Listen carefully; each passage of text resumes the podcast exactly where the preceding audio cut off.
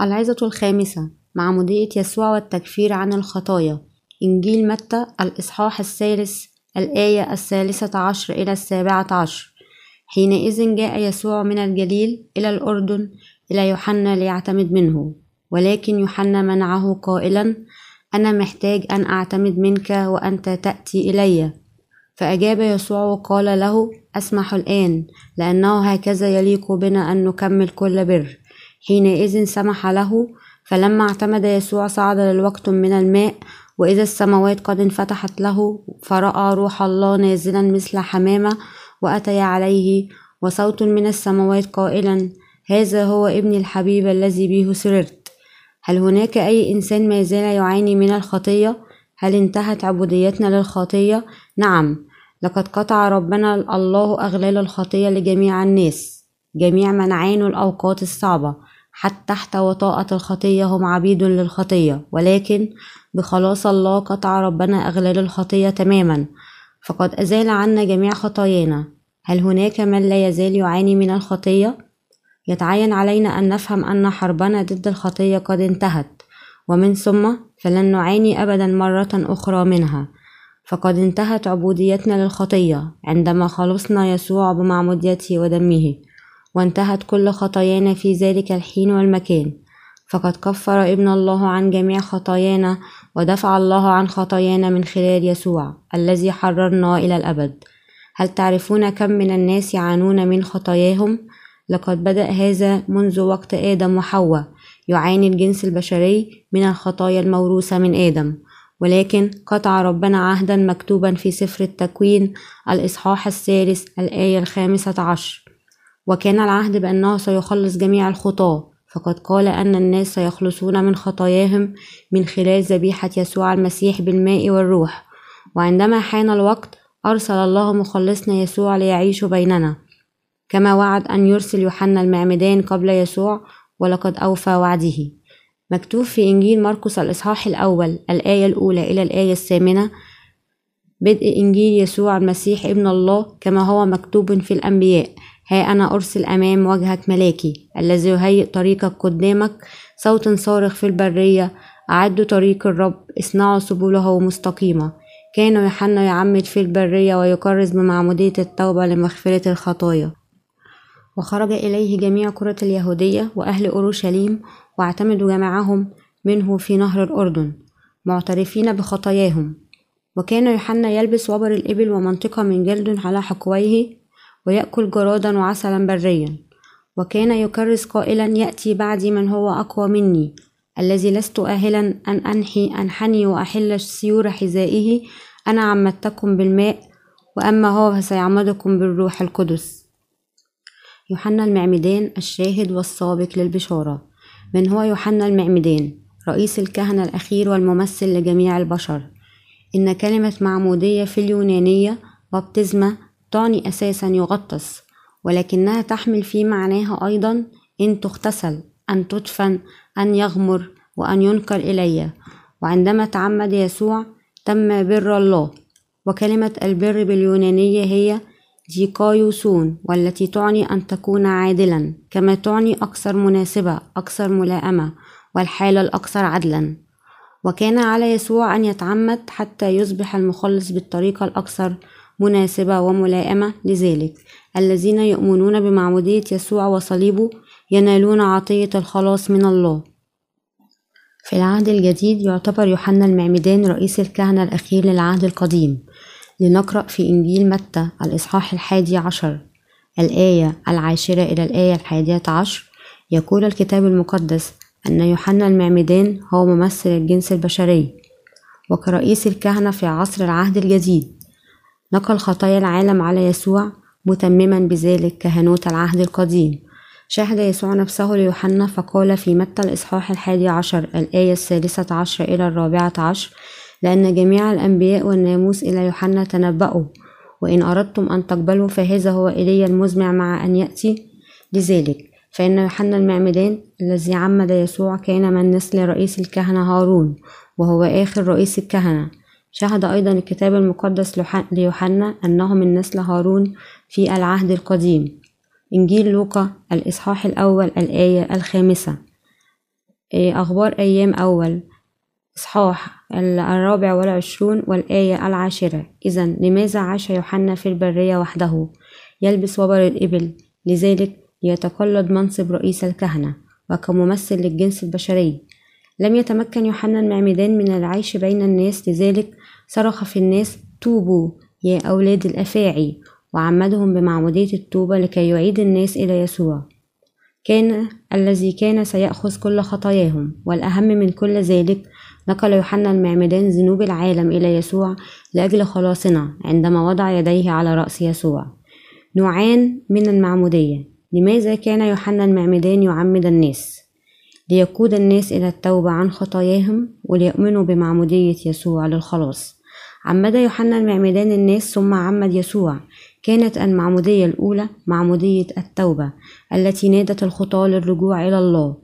كثير من الناس الذين سمعوا كلمات الله على فم يوحنا هجروا أصنامهم ورجعوا إلى الله وكانت المعمودية الثانية هي معمودية يسوع.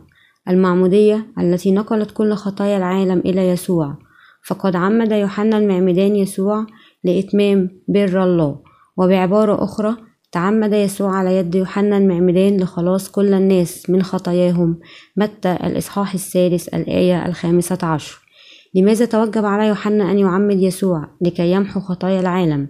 كان على الله أن يجعل يوحنا ينقل كل الخطايا إلى يسوع حتى يخلص الذين يؤمنون بيسوع.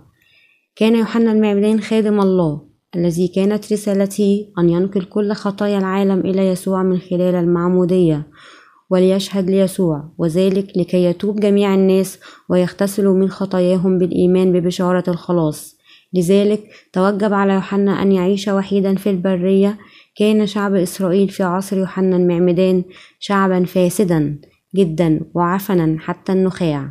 لذلك قال الله في العهد القديم في ملاخي الإصحاح الرابع الآية الخامسة إلى السادسة هانذا أرسل إليكم إلي النبي قبل مجيء يوم الرب اليوم العظيم والمخوف فيرد قلب الآباء على الأبناء وقلب الأبناء على آبائهم لئلا آتي وأضرب الأرض بلعن.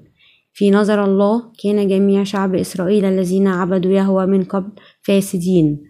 لم يكن أحدا صالحا أمامه. رؤساء الكهنة في الهيكل على سبيل المثال الكهنة والناموسيون والكتبة كانوا بوجه خاص فاسدين حتى النخاع فلم يقدم بني إسرائيل ولا كهنتهم الذبائح تبعا لناموس الله. أهمل الكهنة طقس وضع الأيدي وطقس تقديم ذبح الذبائح دم الذبائح التي أعطاها الله لهم للتكفير عن خطاياهم. ومكتوب أن الكهنة في أيام ملاخي أهملوا نظام تقديم الذبائح طبقا للناموس وضع الأيدي وتقديم دم حيوان الذبيحة. وعلى هذا لم يستطع يوحنا المعمدان البقاء معهم لقد ذهب إلى البرية وصرخ ماذا قال. مكتوب في إنجيل مرقس الإصحاح الأول الآية الثالثة والثانية مقتبسا كلمات النبي إشعياء ها أنا أرسل أمام وجهك ملاكي. الذي يهيئ طريقك قدامك. صوت صارخ في البرية أعدوا طريق الرب اصنعوا سبله مستقيمة. صرخ الصوت في البرية في الناس من أجل معمودية التوبة. ما هي معمودية التوبة؟ التي يتحدث عنها الكتاب المقدس. إنها المعمودية التي صرخ بها يوحنا المعمدان المعمودية التي نادى الناس ليرجعوا إلى يسوع حتى يؤمنوا به. الذي سيرفع عنكم جميع خطاياهم ويخلصهم. فقد وجدت معمودية التوبة لتقودهم إلى الخلاص. توبوا واعتمدوا لأن يسوع مخلصنا سيعتمد بنفس الطريقة ليأخذ كل خطاياكم. كان صراخ يوحنا المعمدان أن يسوع سيأخذ كل خطايا العالم ويحاكم على الصليب ليخلص كل الناس حتى يرجعوا إلى الله. أنا عمدتكم بالماء وأما هو فسيعمدكم بالروح القدس. إنجيل مرقس الإصحاح الأول الآية الثامنة. يعمدكم بالروح القدس معناها أن يغسل جميع خطاياكم أن يعمد معناها أن يغتسل. وتخبرنا معمودية يسوع في نهر الأردن أن ابن الله قد اعتمد هكذا وأخذ جميع خطايانا ليخلصنا. لذلك علينا الرجوع عن حياتنا الشريرة وأن نؤمن به. فهو الحمل الذي أخذ خطايا العالم وهذه هي بشارة الخلاص التي شهد بها يوحنا المعمدان. مهمة رئيس الكهنة لتكفير الذنوب. من أعد طريق الخلاص يوحنا المعمدان. لقد تنبأ النبي إشعياء طيبوا قلب أورشليم ونادوها بأن جهادها قد كمل. إن اسمها قد عفى عنه أنها قد قبلت من يد الرب ضعفين عن كل خطاياها. إشعياء الإصحاح الأربعون الآية الثانية. أخذ يسوع المسيح جميع خطايانا دون استثناء الخطية الجدية الخطايا الحالية وحتى خطايا المستقبل. غسلت من خلال معموديته. لقد خلصنا جميعا لذا يتوجب علينا جميعا أن نعرف خلاص الله. ولكي ننال الخلاص من كل خطايانا علينا أن نؤمن بالبشارة التي توضح أن يوحنا المعمدان نقل كل الخطايا إلى يسوع من خلال المعمودية. ويتعين علينا عدم إساءة الفهم معتقدين بأن الله محبة. لذلك نستطيع دخول ملكوت السماوات فقط بالإيمان بيسوع. حتى ولو كان لدينا خطية في قلوبنا. ومن أجل أن نتخلص من خطايانا علينا أن نؤمن بمعموديته التي من خلالها نقل يوحنا المعمدان جميع خطايا العالم إلى يسوع. ونؤمن أيضا بالصليب فبالماء نقل يوحنا المعمدان جميع خطايا البشر إلى يسوع. أول شيء عمله الله لخلاصنا كان إرسال يوحنا إلى هذا العالم. وكرسول الله أرسل يوحنا المعمدان كسفير الملك. الذي نقل جميع خطايا العالم إلى يسوع من خلال المعمودية. وخدم كرئيس الكهنة لكل البشرية. وقد أخبرنا الله أنه أرسل رسوله يوحنا المعمدان إلينا. هينذا أرسل ملاكي أمام وجهك أمام وجهك تعني أمام يسوع. لماذا أرسل الله يوحنا أمام يسوع؟ لنقل خطايا جميع العالم إلى يسوع ابن الله من خلال المعمودية. سيمهد طريقك أمامك. هذا هو حقا ما تعنيه الفقرة. من هو الشخص الذي مهد الطريق لكي يمكن يمكن لخلاصنا ودخولنا السماء؟ يوحنا المعمدان ضمير المخاطب. في أمامك. يشير إلى يسوع وضمير الملكية في ملاكي يشير الله نفسه. لذلك عندما قال هانذا أرسل ملاكي أمام وجهك الذي سيمهد طريقك أمامك ماذا عن ذلك؟ من كان سيعد طريقنا حتى نذهب إلى السماء. نقل يوحنا المعمدان جميع خطايانا إلى يسوع حتى نؤمن بأنه محى جميع خطايانا وكانت مهمته نقل الخطايا بتعميد يسوع المسيح. كان يسوع يوحنا من جعل من الممكن لنا أن نؤمن بالحق ونخلص. على أي شيء يعتمد خلاصنا يعتمد على ما إذا كان نؤمن بأعمال يسوع. ابن الله البار وحقيقة أن رسول الله يوحنا المعمدان نقل جميع خطايا العالم إلى يسوع. فعلينا جميعا أن نعرف بشارة غفران الخطايا. فقد أرسل الله الآب رسوله أولا الذي سيعمد ابنه وجعله ممثلا للبشرية وهكذا تمم عمل الكفار عنا. أرسل الله خادمه يوحنا المعمدان ليعمد ابنه حتى يتمكن من تمهيد طريق الخلاص للذين يؤمنون بابنه. وهذا هو سبب معمودية يوحنا ليسوع. فقد كانت معمودية يسوع على يد يوحنا المعمدان هي استيفاء لكفارة الله. التي من خلالها تم نقل جميع خطايا البشر إلى يسوع حتى يؤمن جميع الناس بيسوع ويذهبوا إلى السماء. وحتى خطايا الإنسان المستقبلية نقلت إلى يسوع من خلال معموديته. ومهد يسوع ويوحنا المعمدان معا الطريق إلى السماء أمامنا جميعا. وبهذه الطريقة كشف الله سر الكفارة من خلال يوحنا المعمدان. وكممثل عن البشرية عمد يوحنا المعمدان يسوع حتى نؤمن بخلاصنا وندخل السماء ونقل جميع الخطايا إليه من خلال المعمودية. هذه هي أخبار الخلاص السارة البشارة. لماذا ولد يوحنا المعمدان؟ من خلال ما يمكننا الإيمان بيسوع. يوحنا المعمدان. مكتوب في ملاخي الإصحاح الثالث الآية الأولى هانذا أرسل ملاكي وهو سيعد الطريق أمامي عليكم أن تقرأوا الكتاب المقدس بعناية. لماذا أرسل الله رسوله أمام يسوع؟ لماذا ولد يوحنا المعمدان قبل ستة أشهر من يسوع؟ يتوجب علينا أن نفهم عن ماذا يتكلم الكتاب المقدس يشير العهد القديم لمهمة رئيس الكهنة هارون كان هارون شقيق موسى الأكبر ومسح الله هارون وأولاده ككهنة وعمل اللاويون الآخرون تحتهم محضرين لهم الأدوات يمزجون الطحين بالخبز وغيره بينما قدم أبناء هارون الذبائح داخل الخيمة المقدسة وكان أبناء هارون مكرسين لتقاسم نفس كمية العمل بينهم ولكن في يوم الكفارة وهو اليوم العاشر من الشهر السابع وحده رئيس الكهنة يقدم ذبيحة الكفارة عن شعبه عن خطايا السنة السابقة. توجد قصة في إنجيل لوقا الإصحاح الأول الآية الخامسة عن نسب يوحنا المعمدان ويتوجب علينا الفهم الصحيح عن رسول الله هذا. حتى يمكننا فهم يسوع جيدا. فنحن نميل إلى التفكير بشكل كبير في يسوع ولكننا نتجاهل الكثير عن يوحنا المعمدان الذي جاء أمامه. لذا أريد أن أساعدكم لتفهموا. بدء إنجيل يسوع المسيح ابن الله كما هو مكتوب في الأنبياء. ها أنا أرسل أمام وجهك ملاكي الذي يهيئ طريقك قدامك. إنجيل مرقس الإصحاح الأول الآية الأولى والثانية. تبدأ بشارة السماء دائما بيوحنا المعمدان. عندما نفهم جيدا عن يوحنا المعمدان نستطيع الفهم والإيمان بوضوح ببشارة خلاص يسوع. يشبه هذا الاستماع إلى السفراء الذين أرسلناهم إلى جميع أنحاء العالم من أجل أن نتفهم الأوضاع في كل الأمم. عندما نعرف عن يوحنا المعمدان نستطيع أن نفهم خلاص الله بشكل جيدا. ولكن يا للحسرة كثير من المسيحيين هذه الأيام لا يرون أهمية يوحنا فلم يرسل الله يوحنا المعمدان لأنه شعر بملل ولم يكن لديه أي شيء آخر يعمله. فكل الأناجيل الأربعة في العهد الجديد تتحدث عن يوحنا المعمدان قبل الحديث عن خلاص يسوع غير أن المبشرين في هذه الأيام يتجاهلونه كليا ويخبرون الناس أن الإيمان فقط بيسوع يكفي للخلاص. في الحقيقة هم يقودون الناس للعيش كخطاة طيلة حياتهم وأن ينتهوا إلى الجحيم.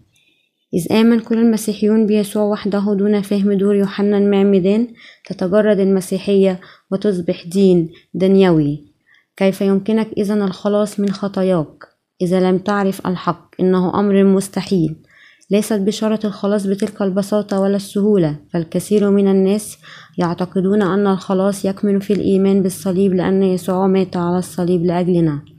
ومع ذلك لو آمنتم فقط بصلبه دون معرفة الحقيقة الكاملة لنقل الخطايا فلن يقودك هذا الإيمان إلى الخلاص الكامل مهما كانت قوة إيمانكم. لذلك أرسل الله يوحنا المعمدان ليجعل العالم يعرف كيفية إتمام الخلاص. وكيف كان يسوع سيأخذ كل خطايا العالم وفقط؟ عندما نحن نعرف الحقيقة الكاملة سنفهم أن يسوع هو ابن الله الذي أخذ كل خطايانا على عاتقه. يخبرنا يوحنا المعمدان عن حقيقة الخلاص ويخبرنا كيف جاء ليشهد بأن يسوع هو الله وهو النور الحقيقي. وأكد بوضوح أنه هو نفسه لم يكن النور لكنه الشاهد للنور. كما شهد في إنجيل يوحنا الإصحاح الأول بأنه هو الذي أعد لبشارة الخلاص بمعمودية يسوع المسيح. ولو لم تكن لدينا شهادة يوحنا المعمدان حول الخلاص فكيف نتمكن إذا أن نؤمن بيسوع؟ فنحن لم نرى يسوع أبدا. وعندما نأتي من ثقافات متعددة وديانات مختلفة كيف يمكن لنا أن نؤمن به على أنه إلهنا؟ كيف يمكننا أن نعرف يسوع المسيح مع وجود كل الديانات المتعددة في جميع أنحاء العالم؟ كيف يمكننا معرفة أن يسوع حقا ابن الله الذي خلصنا بأخذه جميع خطايا العالم على عاتقه؟ لذلك, لذلك يتوجب علينا البحث في العهد القديم لنجد كلمات الخلاص منذ البداية ونتعرف على أن يسوع هو مخلصنا علينا الحصول على المعرفة الصحيحة ليكون لنا الإيمان الصحيحي. لا يمكننا عمل شيء دون المعرفة الصحيحة. ويتوجب علينا أن نعرف بشارة الخلاص التي شهد بها يوحنا المعمدان ودوره فيها ليكون لنا الإيمان بيسوع وننال الخلاص. ويتعين علينا معرفة الحق عن الخلاص حتى يكون لنا الإيمان الكامل بيسوع. وهكذا كما قال يسوع وتعرفون الحق والحق يحرركم. يتعين علينا معرفة حقيقة الخلاص في يسوع. البراهين من الكتاب المقدس. من أي نقطة تبدأ الأناجيل الأربعة؟ من مجيء يوحنا المعمدان دعونا نمضي قدما لنفحص كل الإثباتات حول الخلاص في الكتاب المقدس. ودعونا نكتشف ماذا تقول الأناجيل الأربعة عن يوحنا المعمدان من كان ولماذا دعي ممثل الجنس البشري؟ أو رئيس الكهنة الأخير. وكيف أن جميع خطايا العالم نقلت من خلاله إلى يسوع؟ ونعرف ما إذا أخذ يسوع كل خطايانا على عاتقه أم لا. ويتعين علينا أن نولي اهتماما لحقيقة أن كل الأناجيل الأربعة تبدأ بيوحنا المعمدان يخبرنا يوحنا الإصحاح الأول الآية الأولى الآية السادسة عن واحدة من أهم الحقائق في الإنجيل. فهو يخبرنا عن من هو الشخص الذي تمم مهمة نقل خطايا العالم إلى يسوع. كان إنسانا مرسل من الله اسمه يوحنا. هذا جاء للشهادة ليشهد للنور لكي يؤمن الكل بواسطته. يوحنا الإصحاح الأول الآية السادسة والآية السابعة. يقول لكي يؤمن الكل بواسطته وأنه جاء للشهادة ليشهد للنور. يسوع المسيح هو النور وهذا معنى أن يوحنا المعمدان كان شاهدا ليسوع حتى يؤمن الجميع من خلاله. والآن لنلقي نظرة فاحصة على إنجيل متى في الإصحاح الثالث الآية الثالثة عشرة والآية السابعة عشر. حينئذ جاء يسوع من الجليل إلى الأردن إلى يوحنا ليعتمد منه. ولكن يوحنا منعه قائلا أنا محتاج أن أعتمد منك وأنت تأتي إلي. فأجاب يسوع وقال له أسمح الآن لأنه هكذا يليق بنا أن نكمل كل بر. حينئذ سمح له فلما اعتمد يسوع صعد للوقت من الماء وإذا السماوات قد انفتحت له فرأى روح الله نازلا مثل حمامة وأتي عليه. وصوت من السماوات قائلا هذا هو ابن الحبيب الذي به سررت. لماذا علينا أن نفهم نسب يوحنا؟ لأن الكتاب المقدس يخبرنا أن يوحنا هو رئيس كهنة الجنس البشري. عمد يوحنا المعمدان يسوع ليتمم مهمة غفران الخطايا في العالم وكانت معمودية يسوع التي قبلها من يوحنا الحدث الأهم لخلاصنا. على أننا لكي نفهم ونؤمن بالحقيقة كلها تفصيلا ينبغي أن ندرس عن كتب يوحنا المعمدان أولا. مكتوب في إنجيل لوقا الإصحاح الأول الآية الأولى إلى الآية الرابعة عشر. إذ كان كثيرون قد أخذوا بتأليف قصة في الأمور المتيقنة عندنا كما سلمها إلينا الذين كانوا منذ البدء معاينين وخداما للكلمة. رأيت أنا أيضا إذ قد تتبعت كل شيء من الأول بتدقيق.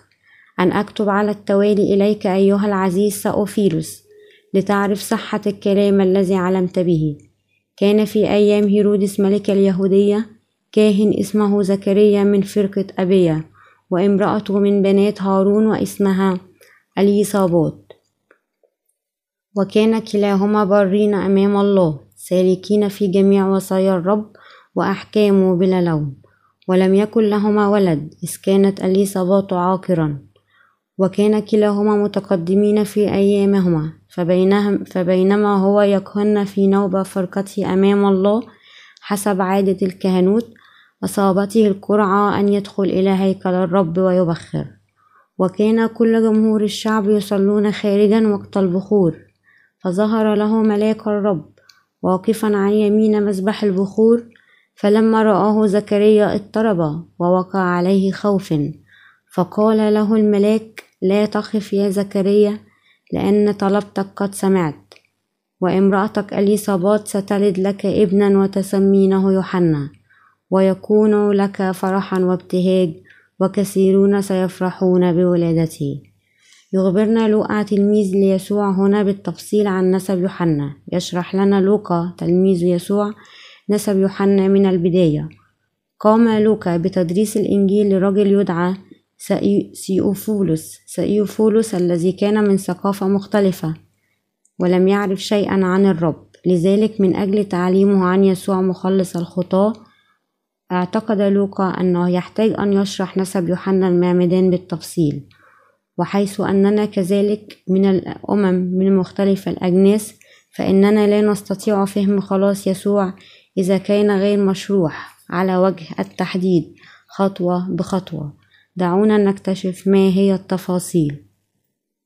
يروي لنا في لوقا الإنجيل الأول الإصحاح الخامس الآية الخامسة للآية التاسعة كان في أيام هيرودس ملك اليهودية كاهن اسمه زكريا من فرقة أبية وامرأته, وامرأته من بنات هارون واسمها أليصابات وكان كلاهما برين أمام الله سالكين في جميع وصايا الرب وأحكامه بلا لوم ولم يكن لهما ولدا. إذ كانت أليصابات عاقرا وكان كلاهما متقدمين في أيامهما. فبينما هو يكهن في نوبة فرقته أمام الله حسب عادة الكهنوت أصابته القرعة أن يدخل إلى هيكل الرب ويبخر. وهنا حدثت واقعة أثناء خدمة زكريا, زكريا الله. طبقا لتقاليد الكهنوت شهد لوقا بوضوح أن زكريا كان من نسل هارون. ولكن لأي فرقة ينتمي زكريا؟ هذه نقطة هامة. أوضحها فبينما هو يكهن في نوبة فرقته أمام الله يمكننا أن نرى أن لوقا عرف جيدا عن زكريا لدرجة تفسيره لبشارة الخلاص وذلك بذكره لزكريا وأليصابات نسب يوحنا المعمدان من نسل من؟ جاء يوحنا المعمدان هارون رئيس الكهنة. حتى نفهم نسب يوحنا المعمدان علينا أن نقرأ في العهد القديم أخبار الأيام الأول. الإصحاح الرابع عشر الآية الأولى إلى التاسعة عشر. وهذه فرق بني هارون. بنو هارون ناداب وأبيه العازار وإيثامار ومات ناداب وأبيه قبل أبيهما ولم يكن لهما بنون. فكهن أليزعار اليعازار وإيثامار وقسمهم داود وصادوق من بني أليعازار وأخي مالك من بني إيثامار حسب وكالتهما في خدمتهم ووجد لبني العازار رؤوس رجال أكثر من بني إيثامار فانقسموا لبني العازار رؤوسا لبيت أبائهم ستة عشر ولبني إيثامار لبيت أبائهما ثمانية وانقسموا بالقرعة. هؤلاء مع هؤلاء لأن رؤساء القدس ورؤساء بيت الله كانوا من بني العازار ومن بني إيثامار وكتبهم سمعية ابن نسنائيل الكاتب من اللاويين أمام الملك والرؤساء وصادوق الكاهن وأخي مالك ابن أبي ياسار ورؤوس الآباء للكهنة واللاويين فأخذ بيت آب واحدا لإلعازار وأخذ واحد لإيسامار فخرجت القرعة الأولى لياهو ياريب الثانية ليدعية الثالثة لحريم الرابعة لسوعوريم الخامسة لملكية السادسة لميامين السابعة لهيكوس والثامنة لأبية. التاسعة ليشوع العاشرة لشكنية الحادية عشرة لألي لألياشيب الثانية عشرة لياقيم الثالثة عشرة لحافة. الرابعة عشرة لشباب الخامسة عشرة لبلجة السادسة عشرة لإمير السابعة عشرة لحيزير الثامنة عشرة لهفسيس التاسعة عشرة لفقحية العشرون لحسقيئيل الحادية والعشرون لياكين الثانية والعشرون لجامول الثالثة والعشرون لدالايا الرابعة والعشرون لمعزية. فهذه وكالتكم وخدمتكم للدخول إلى بيت الرب حسب حكمهم عن يد هارون أبيهم كما أمره الرب إله إسرائيل.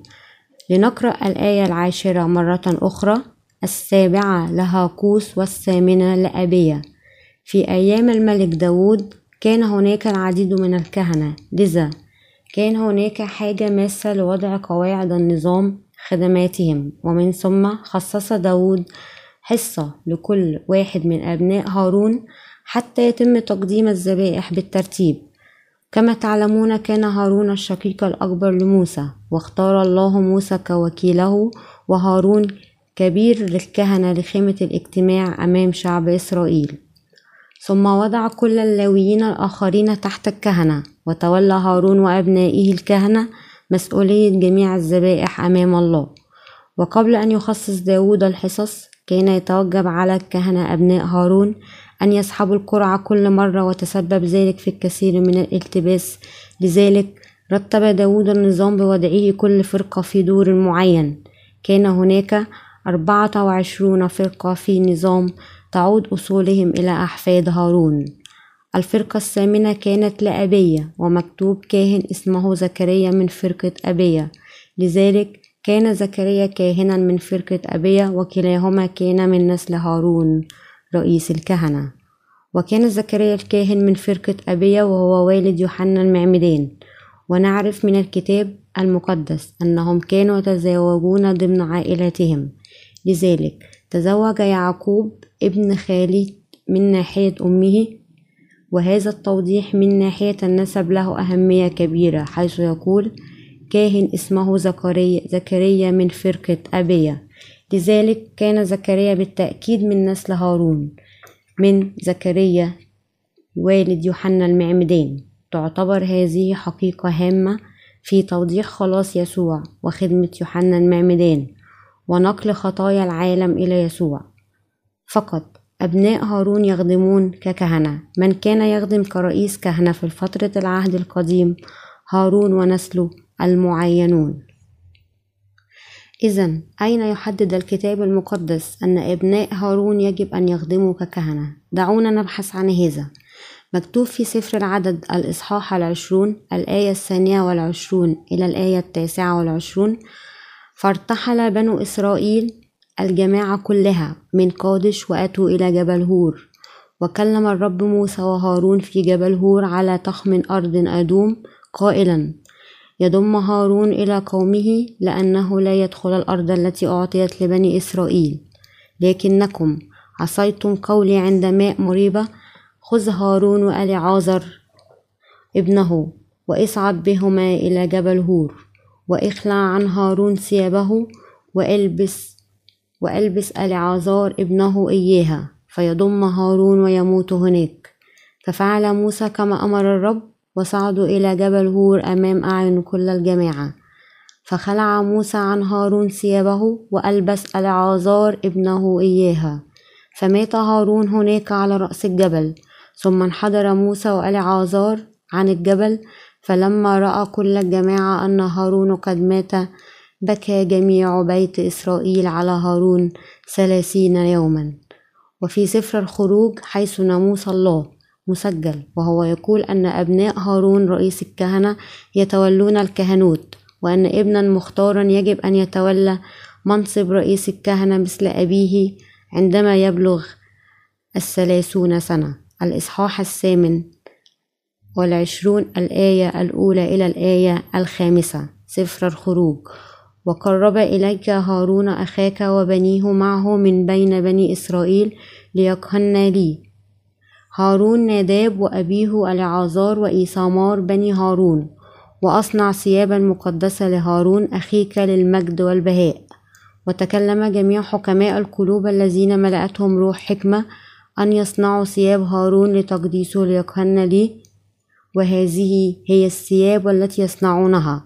صدر ورداء وجبة وقميص مخرم وعمامة ومنطقة فيصنعون ثيابا مقدسة لهارون أخيك ولبنيه وليكهن لي.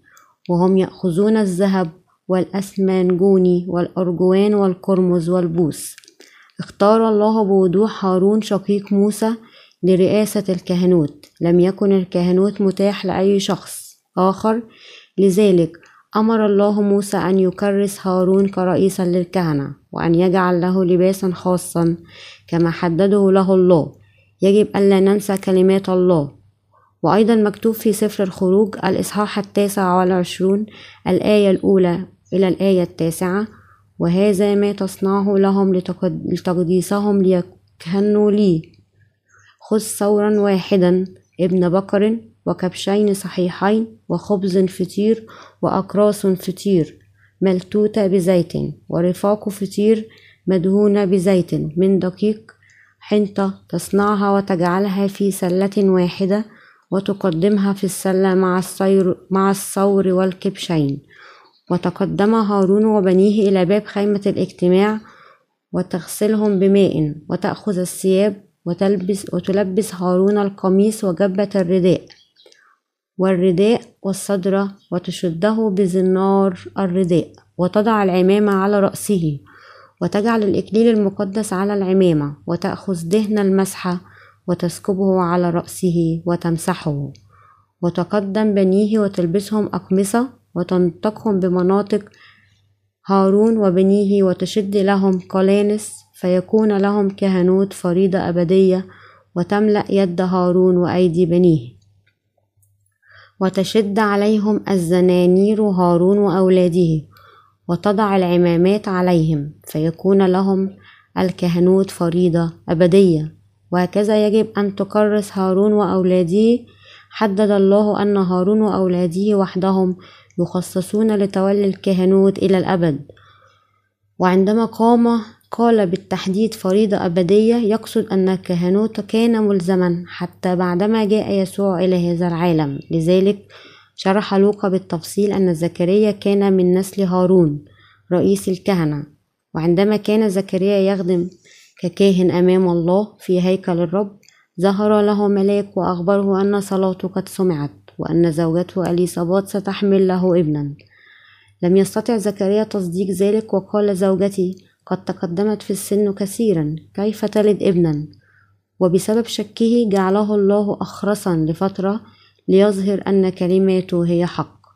وفي الوقت المحدد حملت زوجته وبعد فترة حملت مريم العذراء أيضا. كانت كلا الحادثتان أعمالا مجهزة من الله لخلاصنا.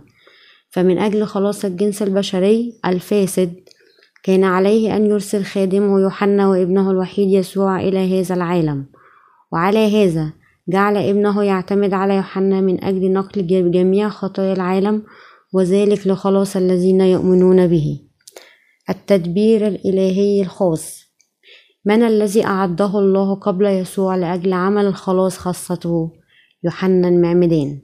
لقد كان يسوع المسيح مخلص الجنس البشري الذي ولد من مريم العذراء كانت مريم مخطوبة ليوسف الذي كان من نسل يهوذا. كان على يسوع أن يولد من نسل يهوذا ليتمم وعد الله. تماما مثلما كان على يوحنا المعمدان أن يولد من بيت هارون رئيس الكهنة.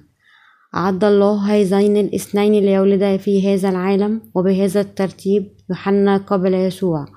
فقد ولد يوحنا حتى يتمكن من تعميد يسوع وينقل جميع خطايا العالم إليه. وكان على واحد من نسل رئيس الكهنة أن يقدم ذبيحة الكفارة من أجل تنفيذ عهد الله الذي قطعه في العهد القديم والعهد الجديد فقط كالأبد من إتمام بشارة خلاص يسوع بالشكل الصحيح لكي يتم خلاص جميع الناس. في سفر الخروج أعطى الله ناموسه وعهوده لإسرائيل شرائع الله ونظام تقديم الذبائح في خيمة الاجتماع. تفصيلا حتى ملابس الكهنة وتفاصيل الذبائح وتوارث الكهنوت لأبناء الكهنة. خصص الله هارون ونسله لمنصب رئاسة الكهنوت إلى الأبد. لذلك استطاع جميع نسل هارون تقديم الذبائح ورؤساء الكهنة كان يمكن أن يأتوا فقط من بيت هارون. هل تفهمون لماذا كان الأمر على هذا النحو؟ ومن بيت ومن بين أحفاد هارون العديدين اختار الله كاهنا معينا اسمه زكريا وزوجته أليصابات وقال هانذا أرسل ملاكي قدامك. وعندما قال الله لزكريا أنه سيمكن أليصابات من ولادة ولد وأنه يتوجب عليه تسميته يوحنا اندهش جدا حتى أنه أصبح صامتا بأمر الله حتى ولادة الابن وتسميته. وفي الواقع ولد ولدا. لبيته وعندما حان الوقت لتسمية الطفل طبقا لعادات إسرائيل دعي الابن على اسم أبيه أو اسم أحد أقربائه. وأما إليصابات فتم زمانها لتلد فولدت ابنا وسمع جيرانها وأقربائها أن الرب عظم رحمته لها ففرحوا معها. وفي اليوم الثامن جاءوا ليختنوا الصبي وسموه باسم أبيه زكريا. فأجابت أمه وقالت لا بل يسمى يوحنا. فقالوا لها ليس أحد في عشيرتك تسمى بهذا الاسم. ثم أماء إلى أبيه. ماذا يريد أن يسمى؟ فطلب لوحا وكتب قائلا اسمه يوحنا. فتعجب الجميع وفي الحال انفتح فمه ولسانه وتكلم وبارك الرب فوقع خوف على كل جيرانهم وتحدث بهذه الأمور جميعها. في كل جبال اليهودية فأودعها جميع السامعين في قلوبهم قائلين أترى ماذا يكون هذا الصبي؟ وكانت يد الرب معه. إنجيل لوقا الإصحاح الأول الآية السابعة والخمسون إلى السادسة والستون. كان زكريا ما زال صامتا في ذلك الوقت وعندما حان الوقت لتسمية الطفل اقترح الأقارب أنه يجب أن يدعى زكريا لكن والدته أصرت على أن يكون اسمه يوحنا. حينئذ قال الأقارب بأنه لم يوجد أي شخص في العائلة بهذا الاسم وأن الطفل يجب أن يدعى باسم أبيه. عندما أصرت أليصابات على الاسم ذهب الأقارب إلى زكريا وسألوه عن الاسم الذي يجب أن يحمله الطفل. ونظرا لأن زكريا لم يكن قادر على الكلام بعد طلب لوحا للكتابة وكتب يوحنا. اندهش جميع الأقارب من هذا الاختيار الغريب للاسم ولكن بعد التسمية انفتح فم زكريا في الحال سبح الله وكان ممتلئا من الروح المقدس وتنبأ. وهكذا يذكر لوقا مولد يوحنا المعمدان في بيت زكريا. كان كاهنا اسمه زكريا من فرقة أبيا وفي تدبير الله الخاص ولد يوحنا المعمدان ممثل الجنس البشري لزكريا الذي من نسل هارون. ومن خلال يوحنا المعمدان ويسوع المسيح أكمل الله خلاص الجنس البشري. ولقد خلصنا من جميع خطايانا بإيماننا بعمل الخلاص الذي تم من خلال يوحنا ويسوع المسيح. معمودية يسوع لماذا تعمد يسوع على يد يوحنا المعمدان ليأخذ كل خطايا العالم؟ شهد يوحنا المعمدان أن يسوع كان ابن الله وأنه أخذ جميع خطايانا. كان يوحنا المعمدان خادم الله المرسل من قبله ليشهد لخلاصنا. وهذا لا يعني أن الله لم يخبرنا بنفسه أنه مخلصنا.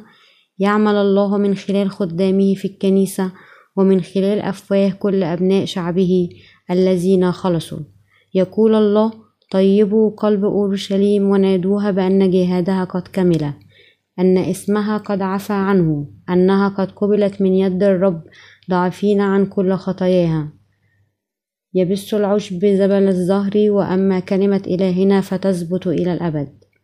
إشعياء الإصحاح الأربعون الآية الثانية إلى الآية الثامنة. ولقد وعد الله بالفعل منذ حوالي سبعمائة سنة قبل ميلاد المسيح.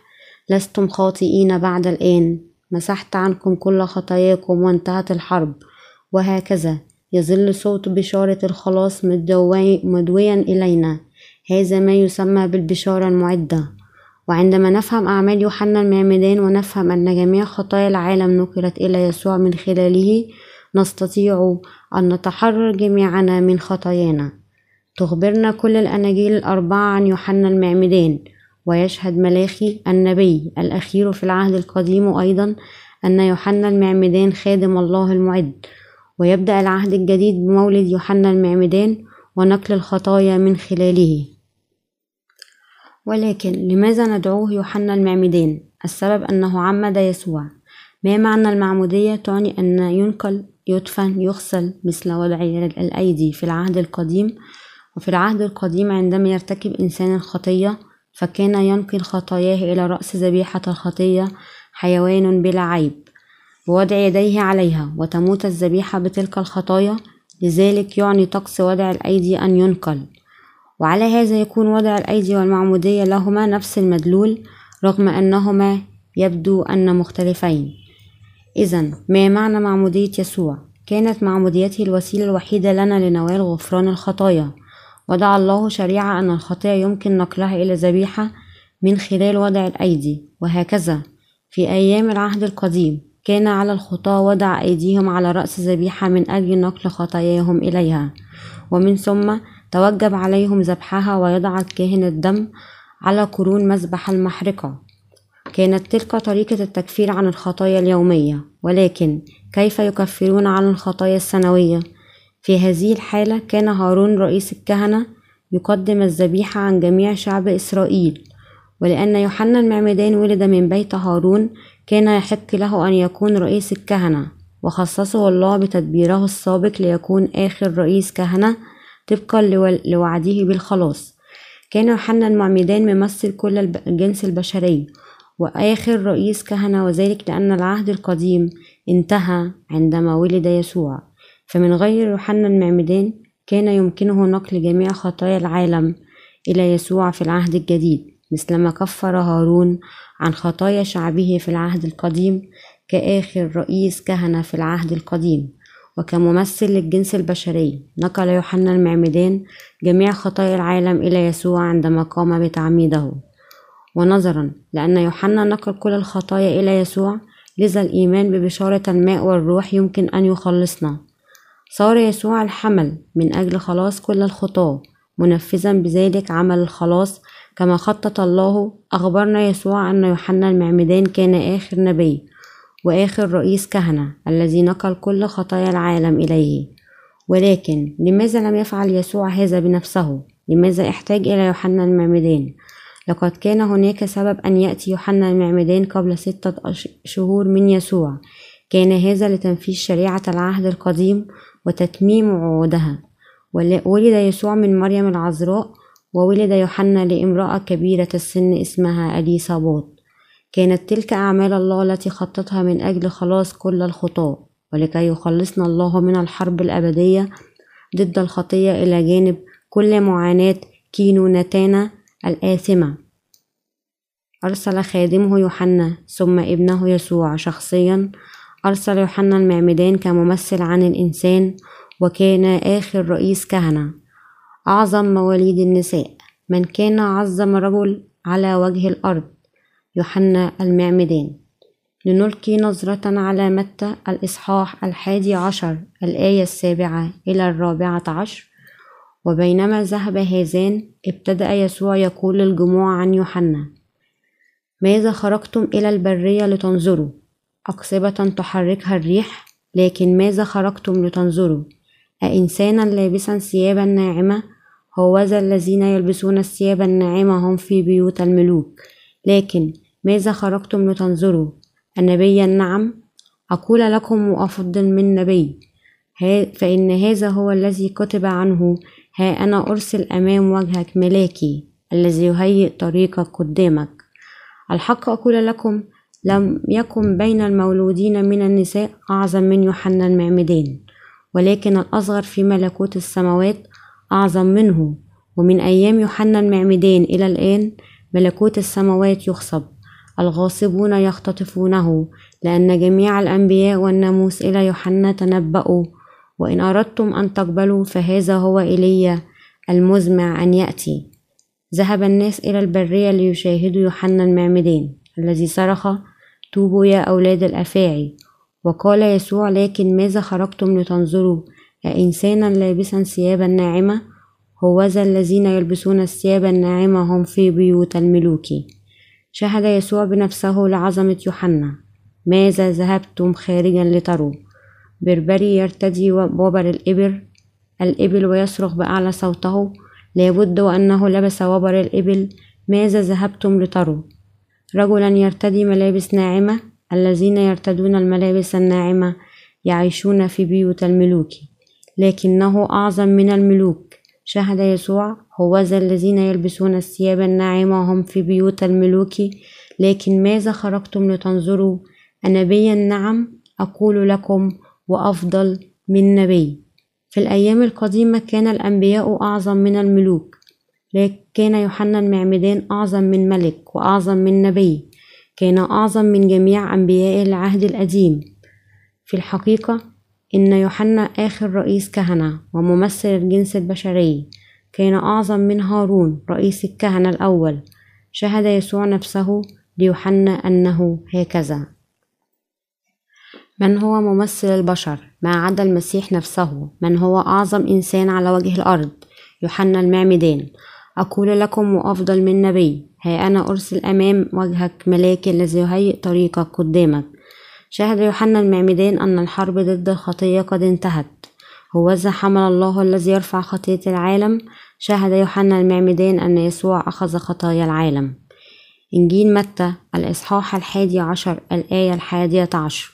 الحق أقول لكم لم لم يكن بين المولودين من النساء أعظم من يوحنا المعمدان هل كان هناك من هو أعظم من يوحنا المعمدان بين مواليد النساء؟ ماذا تعني مواليد النساء؟ تشير إلى جميع البشر. باستثناء آدم وحواء. كل الناس ولدوا من النساء. نعم. بين أولئك المولودين من النساء لم يظهر من هو أعظم من يوحنا المعمدان لذلك هو رئيس الكهنة الأخير وممثل البشر. كان يوحنا المعمدان رئيس الكهنة والنبي وممثل كل البشرية. في العهد القديم هارون وأولاده رسموا من الله للخدمة إلى الأبد. كل الخطايا التي كان يجب غسلها عن طريق هارون وأولاده كان ذلك كما أوصى الله. لو تقدم شخص آخر بين اللاويين وتجرأ للتقدم إلى كهنوتهم فإنه بالتأكيد كان سيموت. كل ما كان في مقدرتهم عمله هو جمع الحطب لنار المذبح وسلخ جلد الحيوانات ونزع الدهن وتنظيف الأمعاء وإلقاء فضلاتها خارج المحلة. فلو كانوا وقحين إلى حد محاولة القيام بعمل الكاهن لكان مصيرهم الموت. إنها شريعة الله ولا يمكنهم تجاوز حدودهم. على وجه الأرض لم يظهر رجل أعظم من يوحنا المعمدان فقد كان الأعظم بين البشر. ومن أيام يوحنا المعمدان إلى الآن ملكوت السماوات يخصب والغاصبون يختطفونه. إن خلاص البشر تم عندما عمد يوحنا المعمدان يسوع. والذين يؤمنون بيسوع يمكنهم دخول ملكوت السماوات وذلك لأنهم يصبحون أبرارا بالإيمان. الآن لنرى كيف أن والد يوحنا شهد لابنه. شهادة زكريا والد يوحنا. ما هي نبوة زكريا عن ابنه؟ سيمهد يوحنا طريق الرب بتقديم معرفة الخلاص لشعبه. لنقرأ في إنجيل لوقا الإصحاح الأول الآية السابعة والستون إلى الآية الثامنون. وامتلأ زكريا أبوه من الروح القدس وتنبأ قائلا مبارك الرب إله إسرائيل لأنه افتقد وصنع فداء لشعبه وأقام لنا قرن خلاص بي في بيت داود فتاه كما تكلم بفم أنبيائه القديسين الذين هم منذ الدهر خلاص من أعدائنا ومن أيدي جميع مبغضينا ليصنع رحمة مع آبائنا ويذكر عهده المقدس. القسم الذي حلف لإبراهيم أبينا أن يعطينا إننا بلا خوف. منقذين من أيدي أعدائنا نعبده بقداسة وبر قدامه جميع أيام حياتنا. وأنت أيها الصبي نبي العلي تدعى لأنك تتقدم أمام وجه الرب لتعد طرقه لتعطي شعبه معرفة الخلاص بمغفرة خطاياهم بأحشاء رحمة إلهنا التي بها افتقدنا المشرق من العلاء ليضيء على الجالسين في الظلمة وظلال الموت. لكي يهدي أقدامنا في طريق السلام. أما الصبي فكان ينمو يتقوى بالروح وكان في البراري إلى يوم ظهوره لإسرائيل. تنبأ زكريا بأمرين. تنبأ بأن ملك كل الناس سيأتي ومن الآية الثامنة والستون حتى الثالثة والسبعون تنبأ بابتهاج أن الله لم ينس وعوده وأن يسوع كما وعد الله إبراهيم قد ولد من مريم العذراء. لأجل خلاص نسله من أيدي أعدائهم. ثم من الآية الرابعة والسبعون أن يعطينا إننا بلا خوف منقذين من أيدي أعدائنا لنعبده. هذا بمثابة تذكير بوعد الله لإبراهيم ولشعب إسرائيل. وتنبأ أن يعطينا إننا بلا خوف نعبده. من الآية السادسة والسبعون تنبأ عن ابنه. وأنت أيها الصبي نبي العلي تدعى. لأنك تتقدم أمام وجه الرب لتعد طرقه لتعطي شعبه معرفة الخلاص بمغفرة خطاياهم بأحشاء رحمة إلهنا التي بها افتقدنا المشرق من العلاء ليضيء على الجالسين في الظلمة وظلال الموت لكي يهدي أقدامنا في طريق السلام. وهنا قال لتعطي شعبه معرفة الخلاص بمغفرة خطاياهم. بواسطة من قال أن المعرفة بالخلاص ستعطى. يوحنا المعمدان هل تستطيعون جميعا أن تفهموا ذلك؟ كان يوحنا المعمدان من خلال كلمات الله كان عليه أن يعطينا المعرفة بأن يسوع هو ابن الله الذي أخذ خطايا العالم. الآن لنلقي نظرة على إنجيل مرقس الإصحاح الأول. الآية الأولى بدء إنجيل يسوع المسيح ابن الله كما هو مكتوب في الأنبياء ها أنا أرسل أمام وجهك ملاكي الذي يهيئ طريقك قدامك صوت صارخ في البرية. أعدوا طريق الرب اصنعوا سبله مستقيمة يوحنا يعمد في البرية ويكرز بمعمودية التوبة لمغفرة الخطايا.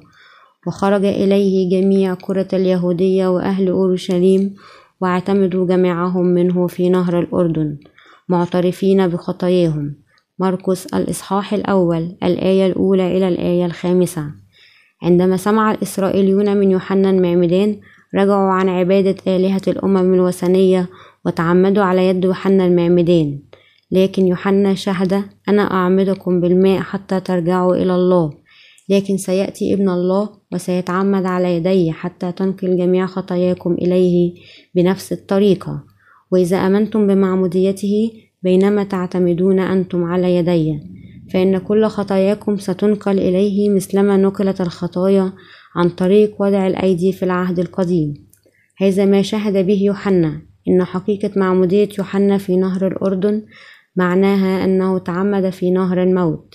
ونحن نرنم في الجنازات بمرور الوقت وفي الوقت الجميل. سنلتقي على الشاطئ الجميل. سنلتقي على الشاطئ الجميل عندما نموت. سنعبر نهر الأردن.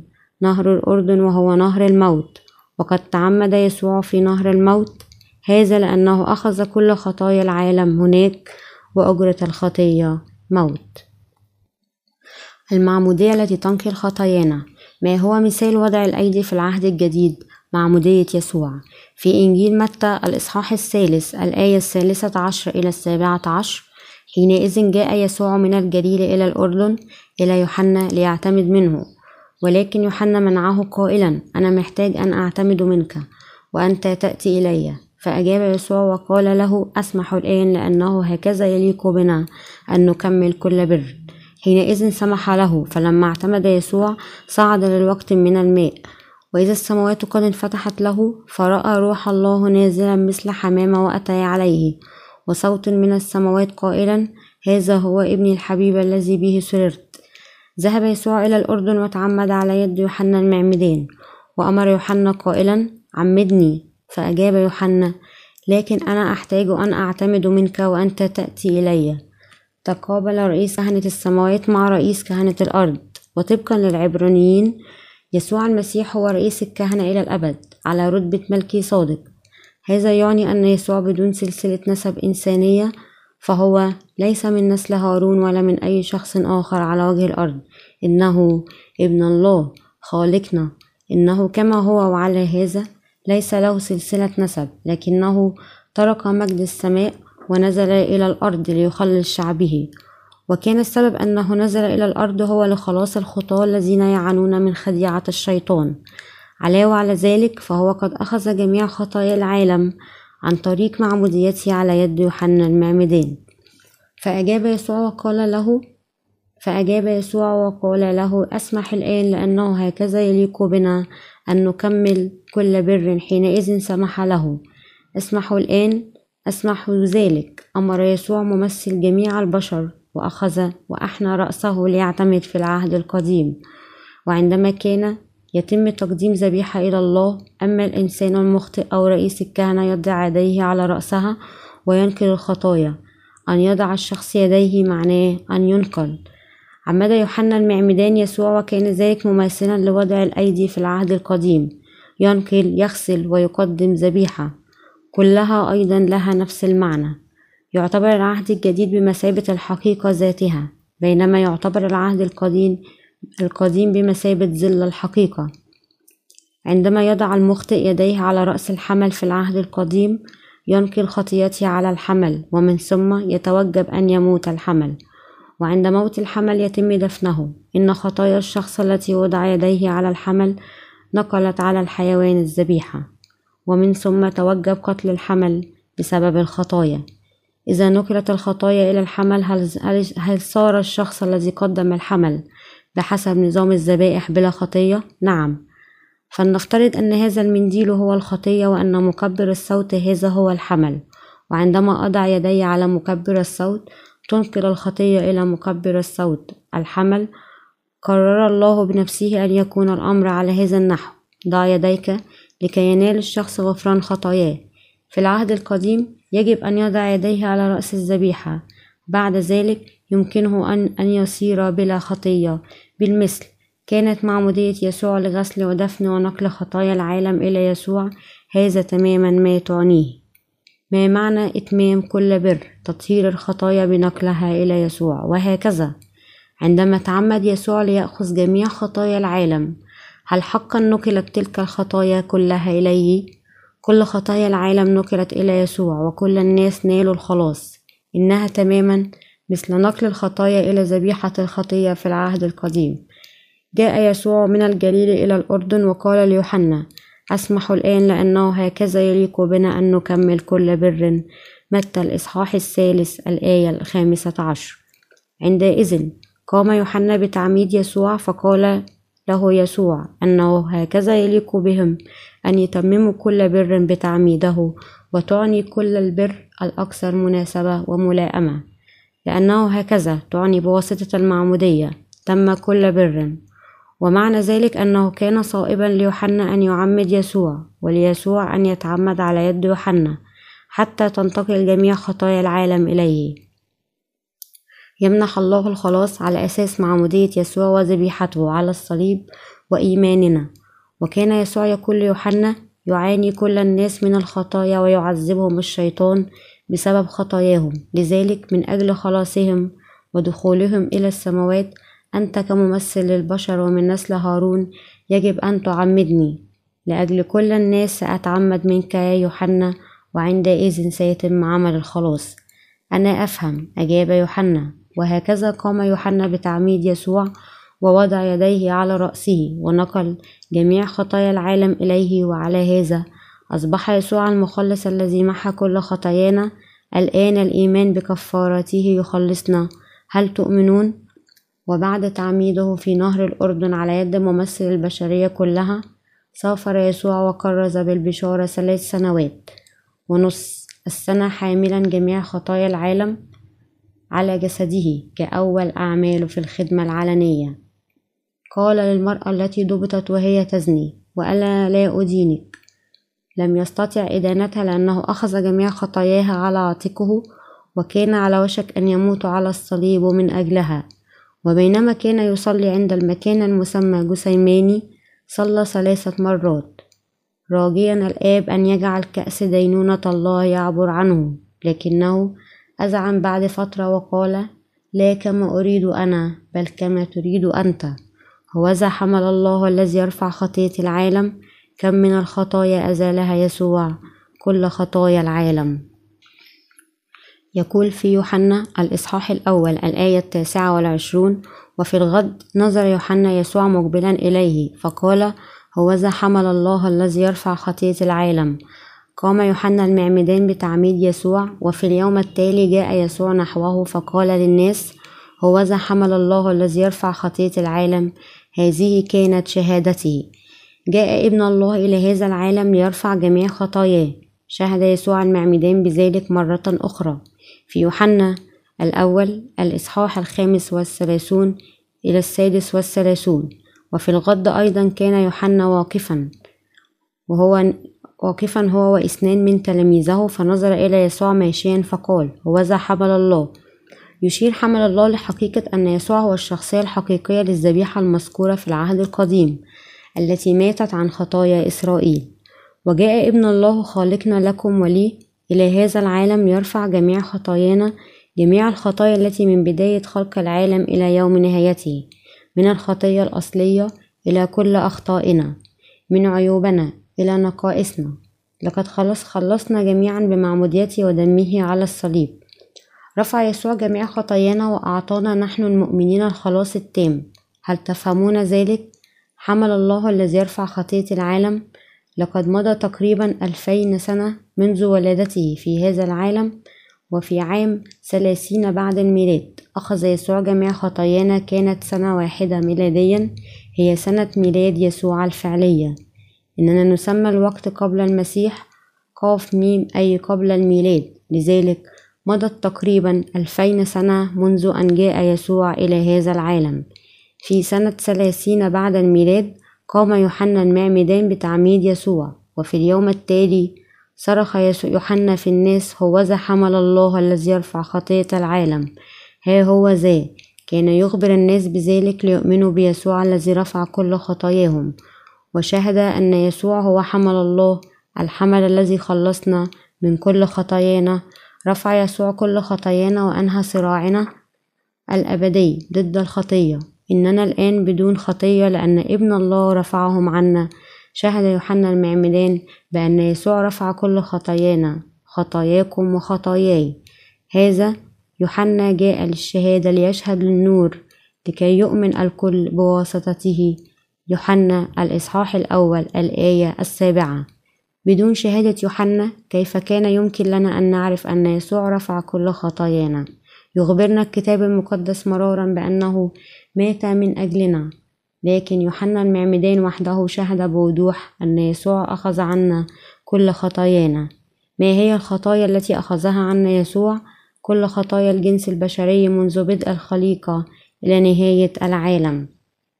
شهد كثيرون بعد موت يسوع ولكن يوحنا وحده شهد بينما كان يسوع ما زال حيا بالطبع. شهد تلاميذ يسوع أيضا بخلاص يسوع.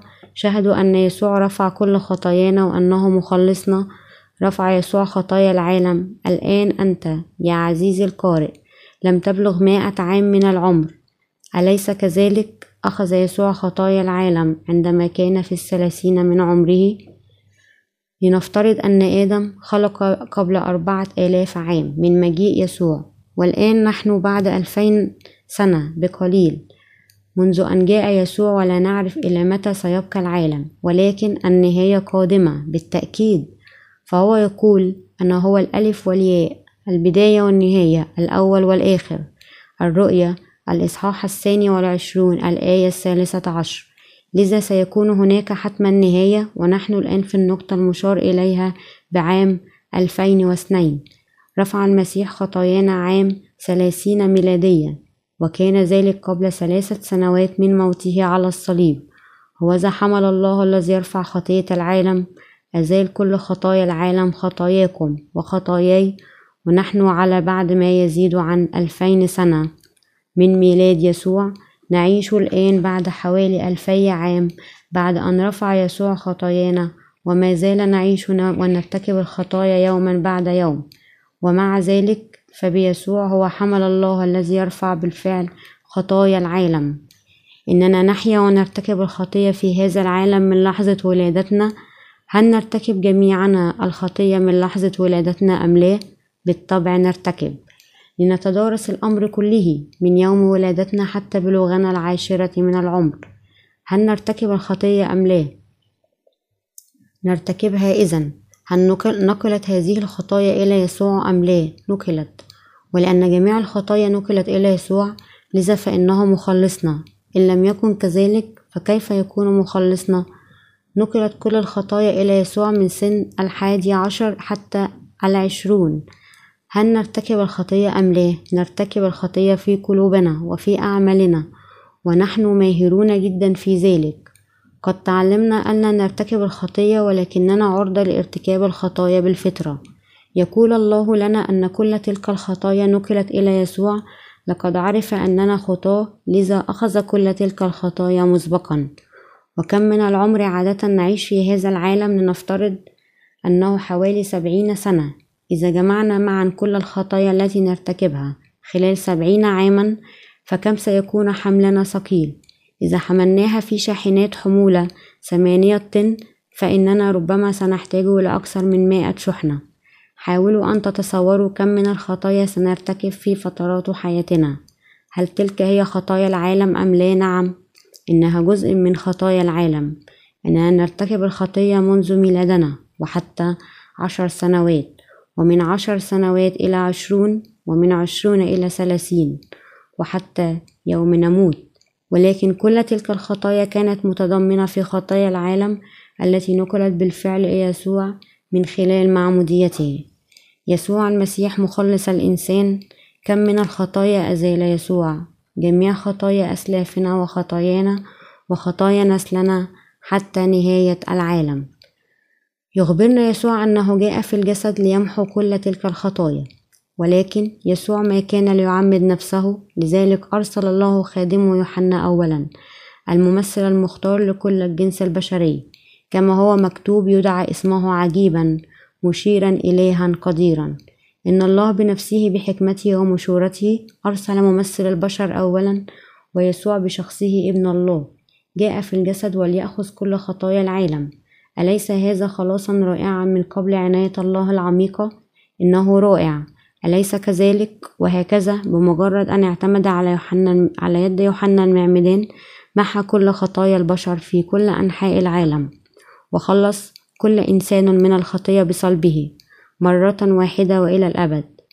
لقد خلصنا جميعا فكروا في ذلك.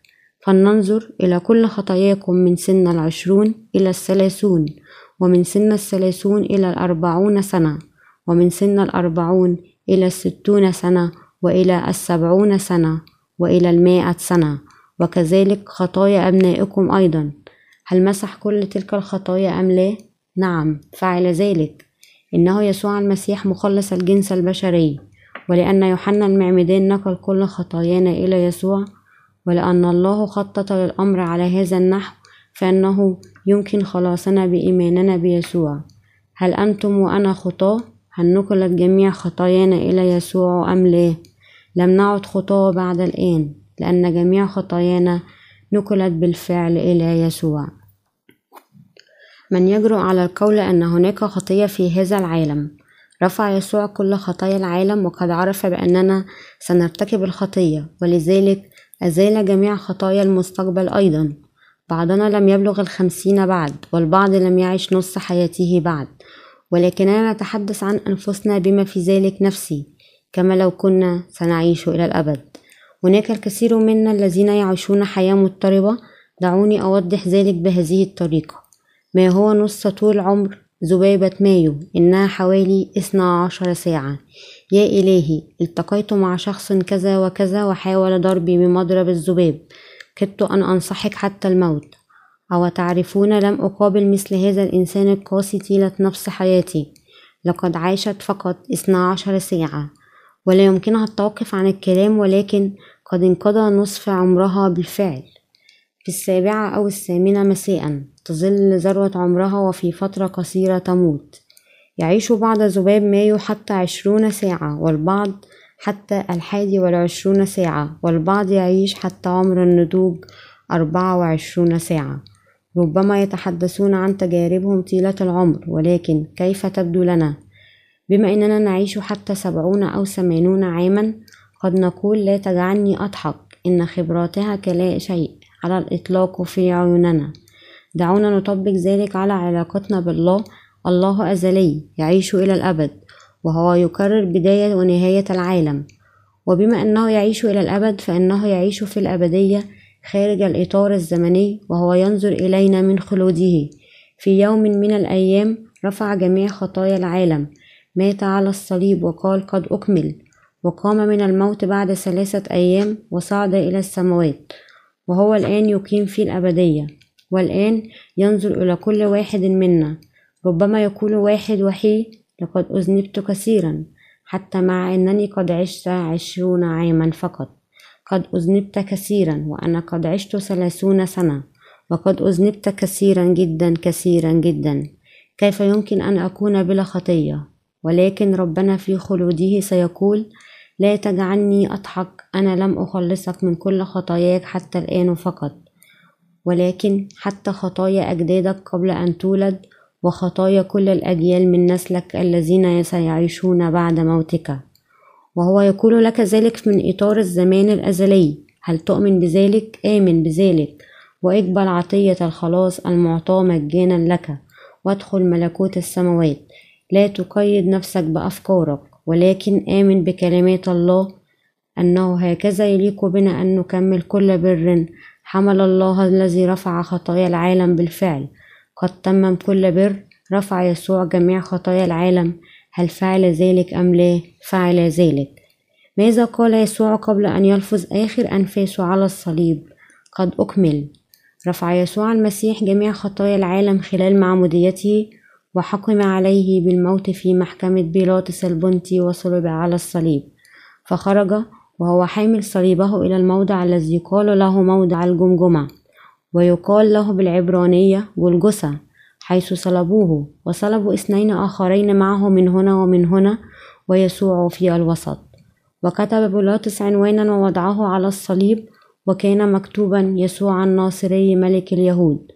فقرأ هذا العنوان كثيرون من اليهود لأن المكان الذي صلب فيه يسوع كان قريبا من المدينة. وكان مكتوبا بالعبرانية واليونانية واللاتينية. يوحنا الإصحاح التاسع عشر الآية السابعة عشر إلى العشرون. لنلقي نظرة على ما حدث بعد صلبه على الصليب.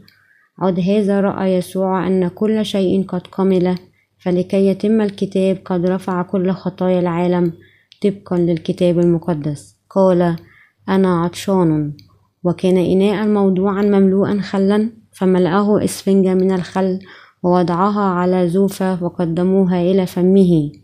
فلما أخذ يسوع الخل قال قد أكمل. ونكس رأسه وأسلم الروح. يوحنا الإصحاح التاسع عشر الآية الثامنة والعشرون إلى الثلاثون. وبعد أن أخذ الخل صرخ قد أكمل. ونكس رأسه وأسلم الروح. كان ميتا بالفعل وقام يسوع المسيح. بعد ثلاثة أيام وصعد إلى السماء. دعونا نتحول إلى العبرانيين الإصحاح العاشر من الآية الأولى إلى التاسعة لأن الناموس إذ له ظل الخيرات العتيدة لا نفس صورة الأشياء لا يقدر أبدا بنفس الذبائح كل سنة التي يقدمونها على الدوام. أن يكمل الذين يتقدمون وإلا أفما زالت تقدم؟ من أجل أن الخادمين وهم مطهرون مرة لا يكون لهم أيضا ضمير خطايا لكن فيها كل سنة ذكر خطايا لأنه لا يمكن أن دم سيران وتيوس يرفع خطايا. لذلك عند دخوله إلى العالم يقول ذبيحة وقربانا لم ترد ولكن هيأت لي جسدا بمحرقات وذبائح للخطية لم تسر. ثم قلت هانذا آجي في درج الكتاب مكتوبا عني لأفعل مشيئتك يا الله. إذ يقول أنفا إنك ذبيحة وقربانا ومحرقات وذبائح للخطية لم ترد ولا سررت بها التي تقدم حسب الناموس. ثم قال هانذا آجي لأفعل مشيئتك يا الله ينزع الأول لكي يثبت الثاني. الخلاص الأبدي. كيف يمكننا حل مشكلة الخطية اليومية بعد إيماننا بيسوع؟ بتأكيد أن يسوع قد مسح بالفعل كل الخطايا من خلال معموديته. كان الناموس بعبارة أخرى نظام تقديم الذبائح ظلا للخيرات العتيدة أن تأتي كشفت لنا ذبائح العهد القديم بالتيوس والكباش. أن يسوع المسيح سيأتي ليرفع جميع خطايانا بنفس الطريقة ليغفر كل خطايانا. عرف كل أناس العهد القديم داود وإبراهيم وكل الآخرين وآمنوا بما يعنيه نظام الذبائح لهم حيث كشف بأن المسيح المسيح تعني المسيح الملك الممسوح سيأتي في أحد الأيام ويطهر جميع خطاياهم. آمنوا بخلاصهم وأنقذوا بإيمانهم. كانت الشريعة ظلا للخيرات العتيدة فلم يستطيع تقديم الذبائح عن خطاياهم يوما بعد يوم وعاما بعد عام أن يخلصهم تماما. لذلك الكائن الكامل والأزلي الذي بلا عيب ابن الله كان عليه أن يأتي إلى الأرض. قال يسوع أنه جاء لتنفيذ مشيئة أبيه كما هو مكتوب في الكتاب الذي كتب عنه ثم قال هنذا آجي لأفعل مشيئتك يا الله. ينزع الأول لكي يثبت الثاني نحن مخلصون من خطايانا. لأن يسوع المسيح أخذ خطايانا كما هو مكتوب في العهد القديم ولأننا نؤمن به.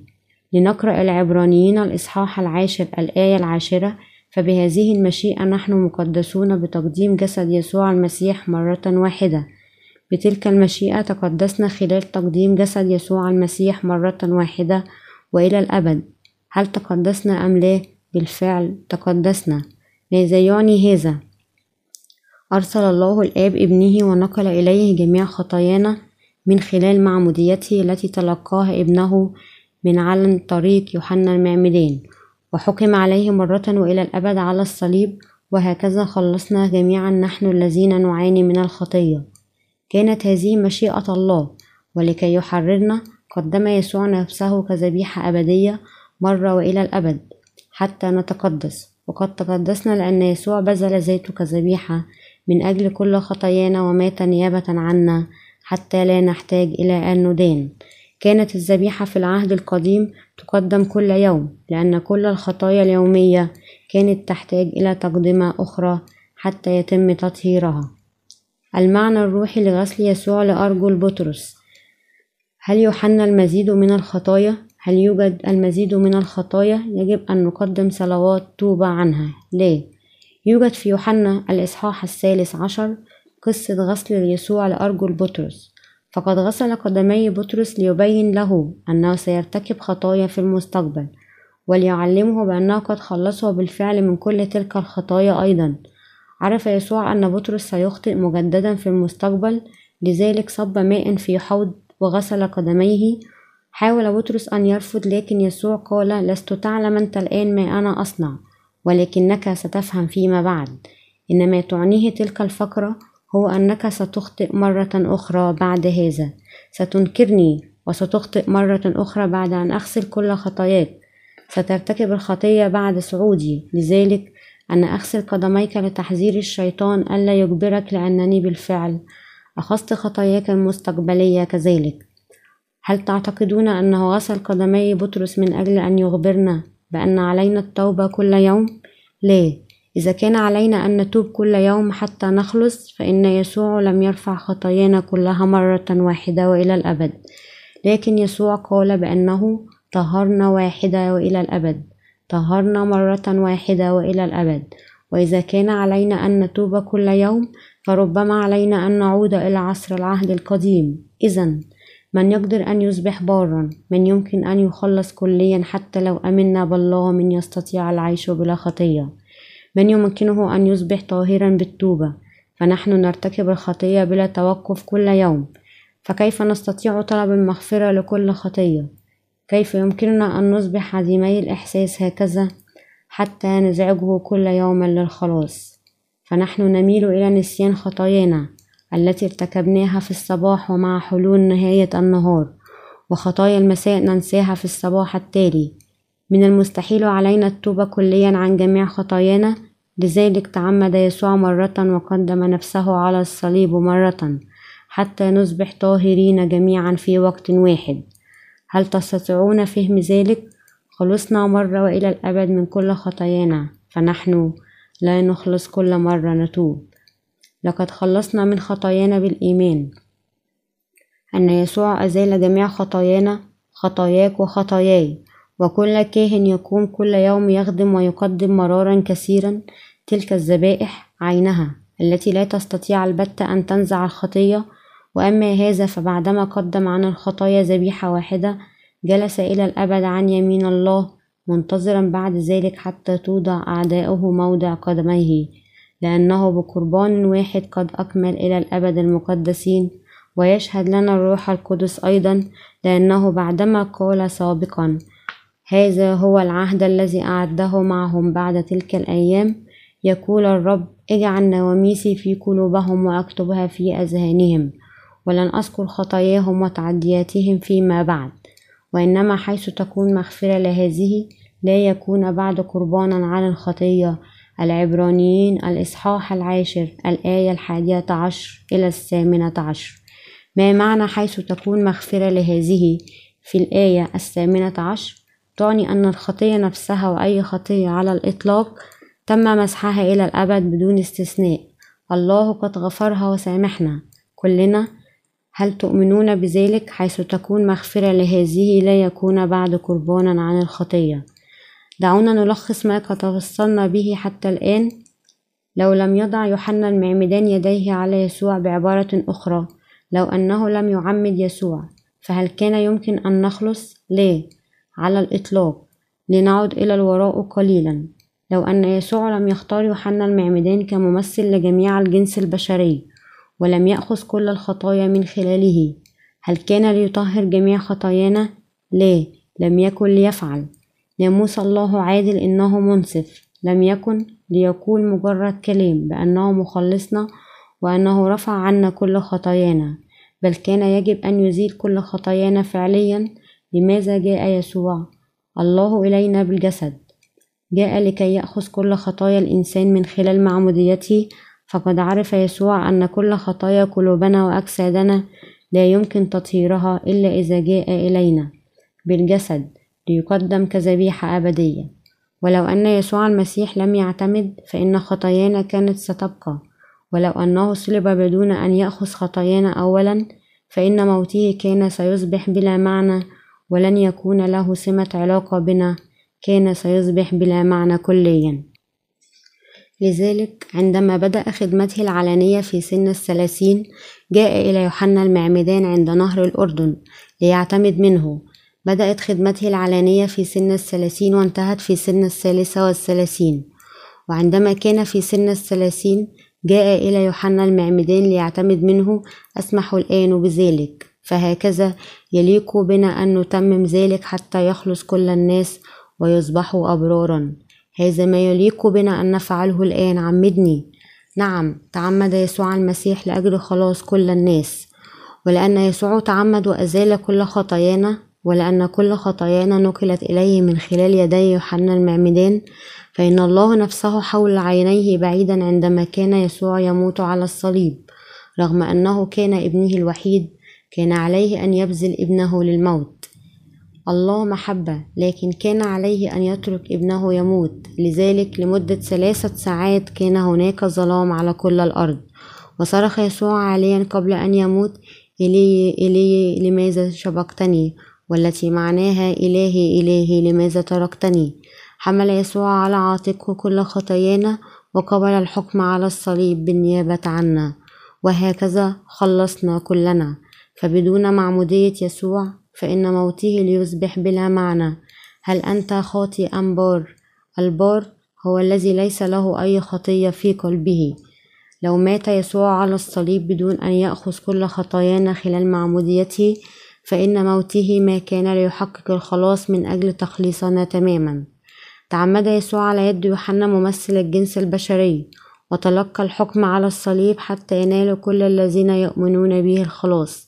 لذلك من أيام يوحنا المعمدان حتى الآن ملكوت السماوات يغتصب لأن يوحنا المعمدان نقل كل خطايا العالم إلى يسوع لذا تمت الكفارة عن خطايانا. لذلك يمكننا أنتم وأنا أن ندعو الله أبانا وندخل بجسارة بملكوت السماوات. في العبرانيين العاشر الإصحاح الثامن عشر وإنما حيث تكون مغفرة لهذه لا يكون بعد قربانا عن الخطية. هل ما زلت خاطئا؟ الآن وقد سدد يسوع كل ديونك. فهل ما زال عليك أن تسدد الديون؟ كان هناك رجل جعلته كثرة شربه للخمر في دين لدائنين كثيرين. ثم في أحد الأيام حقق ابنه ثروة طائلة وسدد جميع ديون والده. فلم يعد والده تحت دين مرة أخرى مهما كان مدين لكل بنك بدون موجود هناك. هذا ما فعله يسوع لنا. سدد أكثر من المطلوب ومقدما عن كل خطايانا. ليس فقط خطايا عمرنا وإنما كل خطايا العالم. كلها نقلت إلى يسوع عندما تعمد. لذا هل ما زلتم خطاه الآن؟ لا لستم خطاه. لو عرفنا بشارة الخلاص هذه من البداية فكم كان سهلا لنا أن نؤمن بيسوع. ولكن بالرغم من هذا إنها تبدو كشيء جديد حتى أن كثيرا من الناس يندهشون منها. لكن هذا ليست بالشيء الجديد. لقد وجدت منذ بداية تاريخ الإنسانية كل ما في الأمر أننا لم نعرفها من قبل.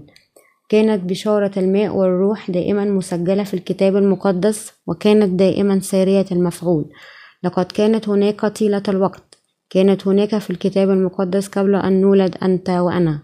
كانت موجودة هناك منذ خلق الأرض. بشارة الخلاص الأبدي. ماذا علينا أن نفعل أمام الله؟ علينا أن نؤمن ببشارة الخلاص الأبدي. يسوع المسيح الذي محى كل خطايانا فعل ذلك حتى قبل أن تولد أنت وأولد أنا. أزالها جميعا؟ هل ما زلت الخطية؟ هل ما زلتم بالخطية؟ لا. إذا ماذا عن الخطايا التي سترتكبونها غدا؟ إنها أيضا متضمنة في خطايا العالم. دعونا الآن من خطايا الغد. إن الخطايا التي ارتكبناها حتى الآن داخلة ضمن خطايا العالم. أليس كذلك؟